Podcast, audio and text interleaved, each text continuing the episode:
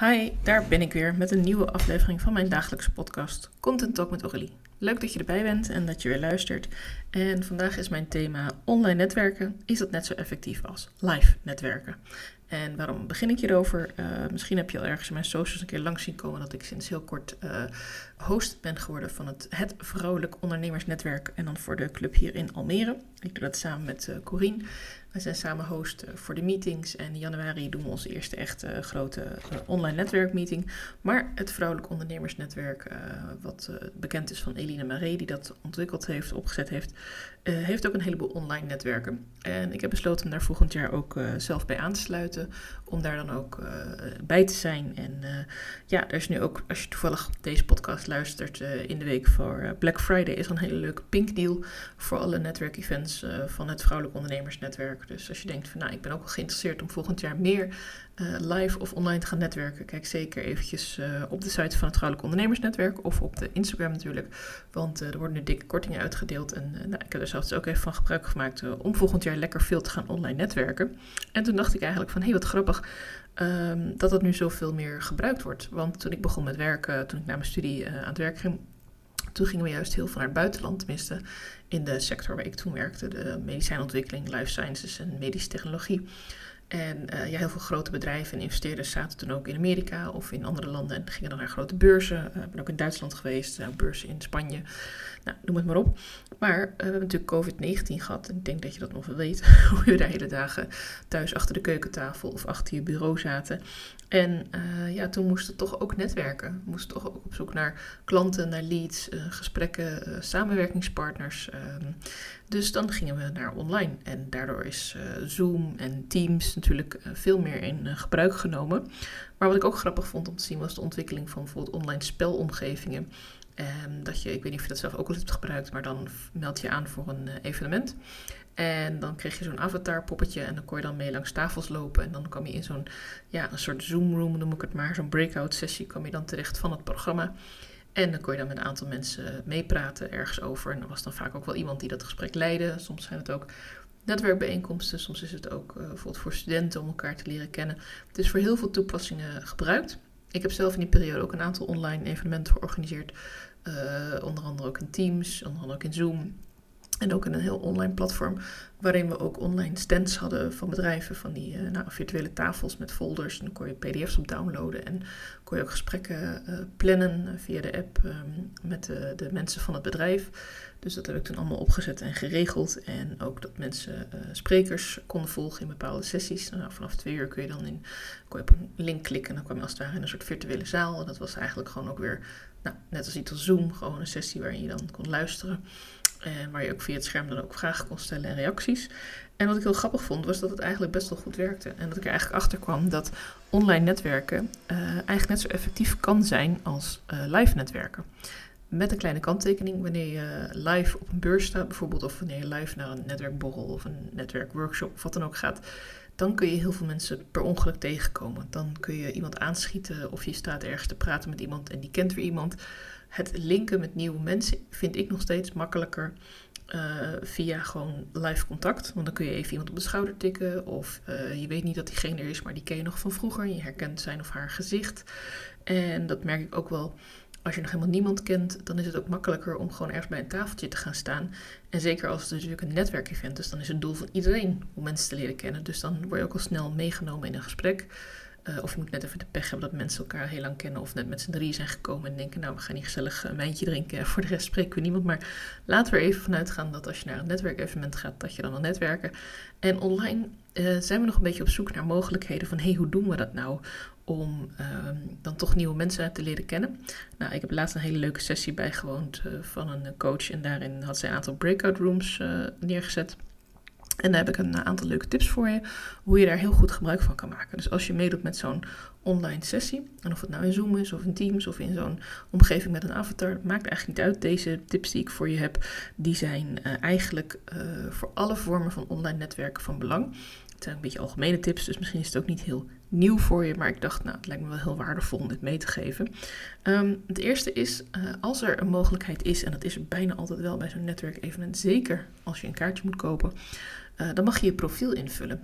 En wat mij opvalt, uh, ook bij de netwerkevents nu voor het Vrouwelijk Ondernemersnetwerk, waar ik dan zelf ook aan bij mag dragen en ook mag helpen om te organiseren en te zorgen dat mensen ook matchgesprekken kunnen doen. Heel veel mensen vergeten dat profiel helemaal. Die gaan dan naar zo'n event toe en die kijken eigenlijk bijna niet meer in de mail tot vijf minuten voordat ze er moeten zijn. Oh, waar is het eigenlijk? Terwijl er dus een hele mooie mogelijkheid is, in meestal één of twee weken van tevoren al, om je profiel te uploaden. Maar niet alleen dat, jouw eigen gegevens daar neer te zetten. Ook natuurlijk de profielen van andere deelnemers te bekijken. Dus als jij bijvoorbeeld, stel dat je op zoek bent naar een business coach, of uh, je bent op zoek naar klanten, of je bent op zoek naar een bepaalde andere type coach of therapeut. Stel nou dat die ook op dat evenement aanwezig is. En stel nou dat je dat van tevoren al weet en dat je haar foto hebt gezien. Je hebt al even door haar website heen gescand dan kun je zo al twee of drie vragen opschrijven die je dan tijdens dat netwerkevent aan haar kan stellen. Dan kan je zeggen, hé hey, wat leuk, ik heb jouw profiel gezien en wat interessant, je doet dit en dat. En uh, jij werkt bijvoorbeeld uh, als spirituele coach met bepaalde energy sessies en daar heb ik wel interesse in. Kun je me daar wat meer over vertellen in plaats van dat zij op dat moment haar hele pitch moet doen en jij eigenlijk niet helemaal zeker weet of het wel de juiste persoon is of misschien raak je helemaal niet in gesprek omdat je helemaal niet naar elkaar op zoek bent. Weet je, zeker als het uh, live netwerk event of het online netwerk event vrij groot is. Ja, uh, meestal heb je een uur, max twee uur voor zo'n netwerk. En als je dan 10, 15 minuten met iemand staat te praten, ja, hoeveel mensen kun je dan werkelijk wat langer spreken? En, uh, of ja, skip je mensen of gaat zij toevallig net naar de wc als jij er loopt? Je weet het niet. Dus even voorbereiden van tevoren. Jezelf, uh, je eigen profiel goed invullen. Jezelf profileren daarmee. Maar ook um, het profiel van anderen checken. Dat heeft gewoon heel veel meerwaarde. Zeker ook wanneer het profiel na de meeting nog beschikbaar is. Want dan kan het zijn dat jij bijvoorbeeld in een groepje stond en dat iemand wat zei. En dat je even een mentale noot maakt. Of je noteert even de naam of hoe je dat dan ook maar doet. En dat je achteraf kan zeggen: hé, hey, we hebben elkaar niet echt gesproken tijdens het event. Maar ik zag je wel daar. Zullen we nog even bellen of zoomen of wat dan ook. Even kletsen omdat we elkaar daar wel ten tegenkomen bijvoorbeeld. Of als je maar een heel kort gesprek hebt gehad, dat je elkaar nog even kunt vinden. Want we denken er niet altijd aan om meteen een link te maken of altijd een visitekaartje uit te delen. Tegenwoordig verschilt dat ook heel erg, merk ik, bij live events of mensen hun visitekaartje delen. En online is dat natuurlijk nog veel erger. Want ja, hoe ga je dat nou doen? Ga je dan je Instagram delen in de chat of ga je dan je LinkedIn delen? En wat doen anderen dan? Vinden die dat dan oké? Er gaan heel veel uh, gedachten door je hoofd erover. En voor je het weet is die andere persoon al verdwenen en weet je niet meer hoe je die persoon terug kunt vinden. Want je kunt haar ook niet aan haar jasje trekken als het online is. Want ja, Stel dat er een meeting is van 10 tot half 12 en iemand zegt, joh, ik moet nu de kinderen uit school gaan halen, dan is ze ook poef weg. Dan kun je natuurlijk bij de organisatie, als je echt even dapper bent, nog wel de gegevens opvragen. En meestal zal het dan ook wel lukken dat je dan via een omweg nog wel in contact komt. Maar het kan zoveel makkelijker door vooraf je profiel goed in te vullen en ook even te checken wie er nog meer is. Daarnaast, naast je profiel, is het natuurlijk ook heel handig, zeker bij online netwerken, dat je een soort virtuele badge hebt. Als je wel eens naar een netwerkevent bent geweest, vaak krijg je dan zo'n ding je of met een paper, uh, paperclip voor mij dan met een veiligheidsspeld, uh, metaal, iets andere vorm, met een veiligheidsspeld of met een plakker of met iets anders op je borst kan zetten. En soms is het heel creatief dat je nog iets op kunt schrijven voordat je hem plakt. En soms is het alleen de naam van, je, van jezelf en je bedrijf of wie je bent of wat je doet. En dan uh, kun je zien wie er is. Maar hoe doe je dat online? Nou, als je bijvoorbeeld uh, in een Zoom-sessie zit of in een andere sessie en je kunt daar je naam invullen, kun je er natuurlijk voor kiezen om te zeggen: Nou, ik ben Aurélie of ik ben Aurélie Veltema. Uh, maar kan ook kiezen: Ik ben Aurélie, online tekstschrijver. Met een komma ertussen of zo'n streepje. Of iets in ieder geval dat ik aangeef: van dit is mijn naam en dit is wat ik doe. En als jij nou bijvoorbeeld holistisch coach bent, dan kun je ook schrijven: van Ik help jou van je migraine af. Uh, bijvoorbeeld, uh, ik ben uh, Eline en ik haal je van je migraine af. Of ik ben Tamara en ik zorg dat je vaker gaat sporten. Of sporten is weer leuk, zoiets. Weet je, houdt wel een beetje kort, maak er gewoon iets van een soort tagline van. Maar dan weten mensen ook wie je bent. En dan kunnen ze ook zien van, hé, hey, met die persoon wil ik wel in gesprek, wil ik wel iets meer weten, want dat vind ik interessant. Ik schrijf dan, ik ben Aurélie, online tekstschrijver. En uh, ja, op die manier snappen mensen ook, kijk, ik kan ook wel mijn naam van bedrijf neerzetten, Aurélie Veltema advies. Maar dan denk je, ja, advies, waarover? Wat ga je doen?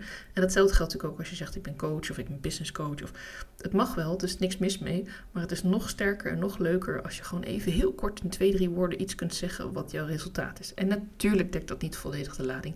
Dat is ook het idee van dat je mensen prikkelt en dat ze dan met jou in gesprek gaan. En ik heb nog een derde tip voor je, want ik rond hem lekker af. Um, wanneer je dan hebt gesproken met mensen en wanneer je dus ook die profielen hebt gecheckt, uh, stuur dan achteraf ook even een berichtje via of Instagram of LinkedIn om uh, samen te linken. Maar houd niet alleen op een linkverzoek of een volg, maar Stuur ook eventjes gewoon een kort berichtje van... hé, hey, wat leuk, we hebben elkaar uh, dinsdagochtend gesproken tijdens die netwerkmeeting van die en die.